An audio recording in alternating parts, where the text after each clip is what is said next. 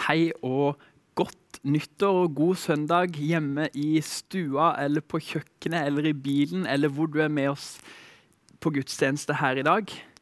Um, vi gleder oss selvfølgelig masse til å kunne samles her i Misjonskirka igjen, men jeg har også kjent på denne uka som har gått nå, at jeg er så glad og takknemlig for at vi har den muligheten vi har her til å samles hver for oss digitalt og ta del i Guds ord og lovsang fra, fra sofakroken. Eh, så la oss glede oss over det, og så vet vi at vi går bedre tider i møte. Mitt navn er Eirik Vikse, og jeg skal dele Guds ord i dag. Eh, Tittelen for talen det er 'Høre og gjøre'. En tittel som er stjålet fra Jakobs brev, som vi snart skal dykke litt ned i. Eh, Jakobs brev, sannsynligvis skrevet av Jesu egen bror Jakob, som ble en disippel etter Jesu død og oppstandelse. Et eh, brev som utfordrer. Eh, hvis du tenker at du ønsker å leve et sånn behagelig kristent liv, lene deg tilbake og bare flyte på en bølge gjennom livet, så anbefaler jeg deg å hoppe over Jakobs brev i Bibelen, for der blir du radikalt utfordra. Eh, men hvis du ønsker å bli brukt av Gud, så, så er Jakobs brev et eh, veldig godt brev hvor du kan bli utfordra på nettopp det. Før vi går inn i dagens tekst, så har jeg lyst til å fortelle en historie. Eh, en historie om en gammel predikant som hadde vært på gudstjeneste. Han hadde talt, og han hadde talt varmt og inderlig om kollekt. Om givertjeneste og om giverglede. Og han var rimelig fornøyd sjøl han satte seg i bilen og kjørte hjemover. Helt til han oppdaga, og det gikk opp for han, at selv om han hadde talt så inderlig og varmt om å gi, så hadde han ikke sjøl gitt. Han forklarte det med at han hadde blitt så følelsesmessig involvert og engasjert i ordet at følelsen hans hadde lurt han litt til å på en måte tro at han hadde gitt. Og Kanskje syns du det høres rart ut, men, men sjøl kan jeg kjenne meg igjen i det. Og Jeg har flere ganger sittet i seteradene her og hørt på pastor Jim og pastor Eilif som har talt. Og Jeg har sittet og nikka og eh, inni meg i hvert fall sagt et lite halleluja og vært så enig og tenkt at dette er bra, dette må vi selvfølgelig gjøre. Og så har jeg på en eller annen merkelig måte satt meg i bilen med god samvittighet, for det har vært så følelsesmessig involvert i talen og i Guds ord at det på en måte bare har blitt med følelsen. Jakobs brev utfordrer oss på å ikke bare høre og føle, men høre og gjøre.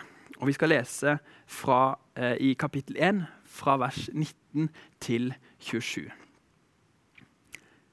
Dette må dere vite, mine kjære søsken. Enhver skal være rask til å høre, men sen til å tale og sen til å bli sint. For sinne hos et menneske fører ikke til det som er rett for Gud. Legg da av, av alt urent og all ondskap og ta ydmykt imot det ordet som er plantet i dere, og som har makt til å frelse sjelene deres. Dere må gjøre det ordet sier, ikke bare høre det. Ellers vil dere bedra dere selv. For den som hører ordet, men ikke gjør det ordet sier, ligner en mann som ser på ansiktet sitt i et speil. Han ser på det, går sin vei og glemmer straks hvordan han så ut. Men den som ser inn i frihetens fullkomne lov og fortsetter med det, blir ikke en glemsom hører, men en gjerningens gjører. Et slikt menneske skal være lykkelig i sin gjerning. Den som mener at han dyrker Gud, men ikke holder tungen i tømme, bedrar seg selv, og hans gudsdyrkelse er uten verdi en gudsdyrkelse som er ren og feilfri for Gud, vår Far, er å hjelpe enker og foreldreløse barn i deres nød, og ikke la seg flekke til av verden. Her er det masse å ta tak i, men jeg har valgt å fokusere på det som vi leser ca. midt i her. Den, eh, dere må gjøre det ordet sier. Ikke bare høre det. Ellers vil dere bedra dere selv. Sånn som denne forkynneren, som hørte og følte, sånn som jeg har gjort flere ganger. Høre og føle, eller høre og glemme. Sånn som denne mannen som så seg sjøl i speilet og glemte straks han gikk bort derfra, hvordan han så ut. Sånn må vi ikke bli. Jakob sier det. Dere må gjøre det ordet sier, ikke bare høre det. Og i bergprekenen, en eh, lang tale Jesus holder, så sier han nesten, helt, nesten akkurat det samme. Mot slutten av talen så sier han at hver den som hører disse mine ord, og gjør det de sier, ligner en klok mann, fortsetter han. Og så forteller han om en klok mann som bygger huset sitt på fjell. Og når stormen kommer, når vinden pisker og regnet daler ned, så står huset støtt, for det har en stødig grunn å stå på. Sånn er det, sier Jesus, å bygge huset sitt på fjell. Og sånn er det å ikke bare være ordets hører, men ordets gjører. Og så fortsetter han og sier liksom i motsetning at hver den som hører disse mine ord og ikke gjør det de sier, ligner en uforstandig mann. En mann som bygger huset sitt på sandgrunn. Og stormen kommer, og vinden pisker og regnet daler. Og huset faller. Og fallet var stort, sier Jesus. Det er med andre ord ganske viktig å ikke bare stoppe opp med det vi hører. Og ikke bare komme på gudstjeneste og motta, men også gi videre.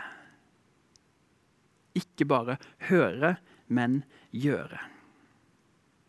Jeg håper ikke du opplever Misjonskirka Lyngdal som et sted hvor du på en måte gang på gang får en sånn moralsk kjennepreken. Men sånn, sett utenfra så er liksom kirka kjent for det. Disse moralske kjenneprekene. Og det er veldig mye snakk om hva vi ikke skal gjøre og ikke får lov til å gjøre. Og Det kan være tyngende og det kan være sårt å kjenne på.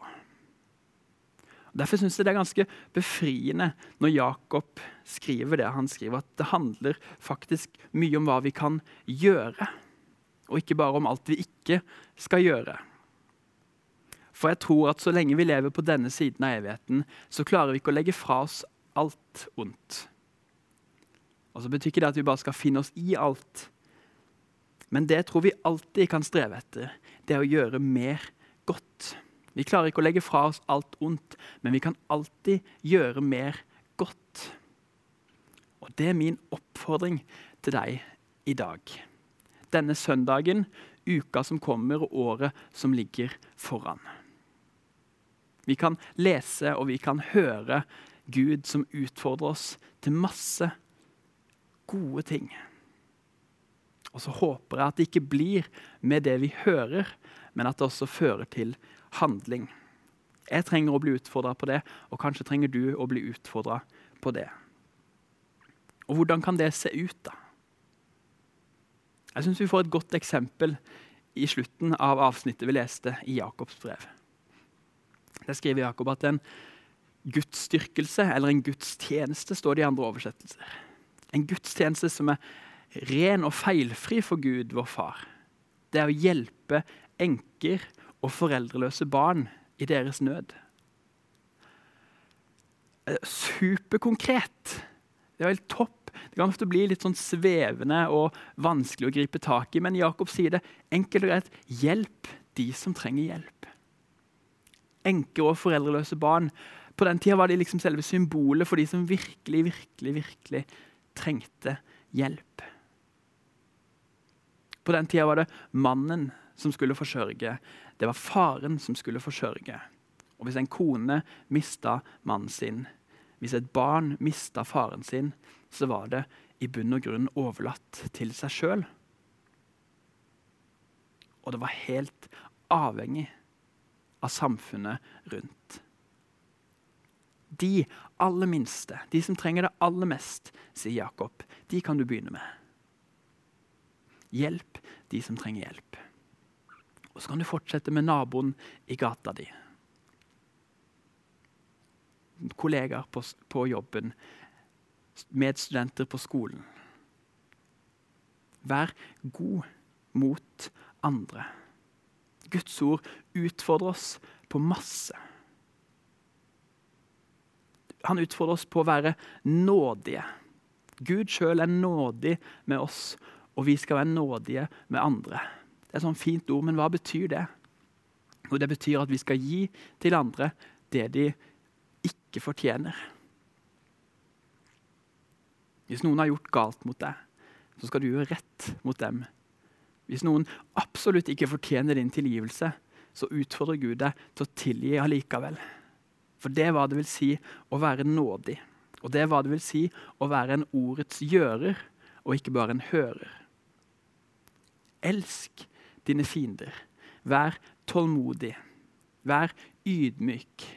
Mange ting som vi kan høre og føle, men som er like viktig at vi også gjør og er. Og så er det jo fint da å, høre, å vite at det kan kalles en gudstjeneste. Så når gudstjenesten her på Facebook eller hvor du ser er ferdig, så kan du fortsette din gudstjeneste med å invitere naboen inn på en kaffe. Med å melde deg som barnevakt for en familie du vet trenger litt alenetid, bare mor og far. Ved å gi til noen som virkelig trenger det. Din gudstjeneste kan fortsette der du er og selv om vi ikke kan samles her i Misjonskirka rent fysisk, så kan gudstjenesten spres utover hele Lyngdal. Og Lyngdal misjonskirke, som er deg hjemme i stua, du kan være et lys i lokalsamfunnet. Og sammen så kan vi alltid gjøre mer godt. Vi skal be. Kjære himmelske Far, jeg takker deg for utfordringene vi får når vi leser Jakobs brev. Om å høre og gjøre. Hjelp oss, gode far, til å være ikke bare ordets hørere, men ordets gjørere. Gi oss frimodighet og styrke og kraft til å gjøre det du utfordrer oss til. Hjelp oss å se de menneskene rundt oss som trenger oss, som trenger deg, Jesus. Vi ber om en velsigna søndag videre. Amen.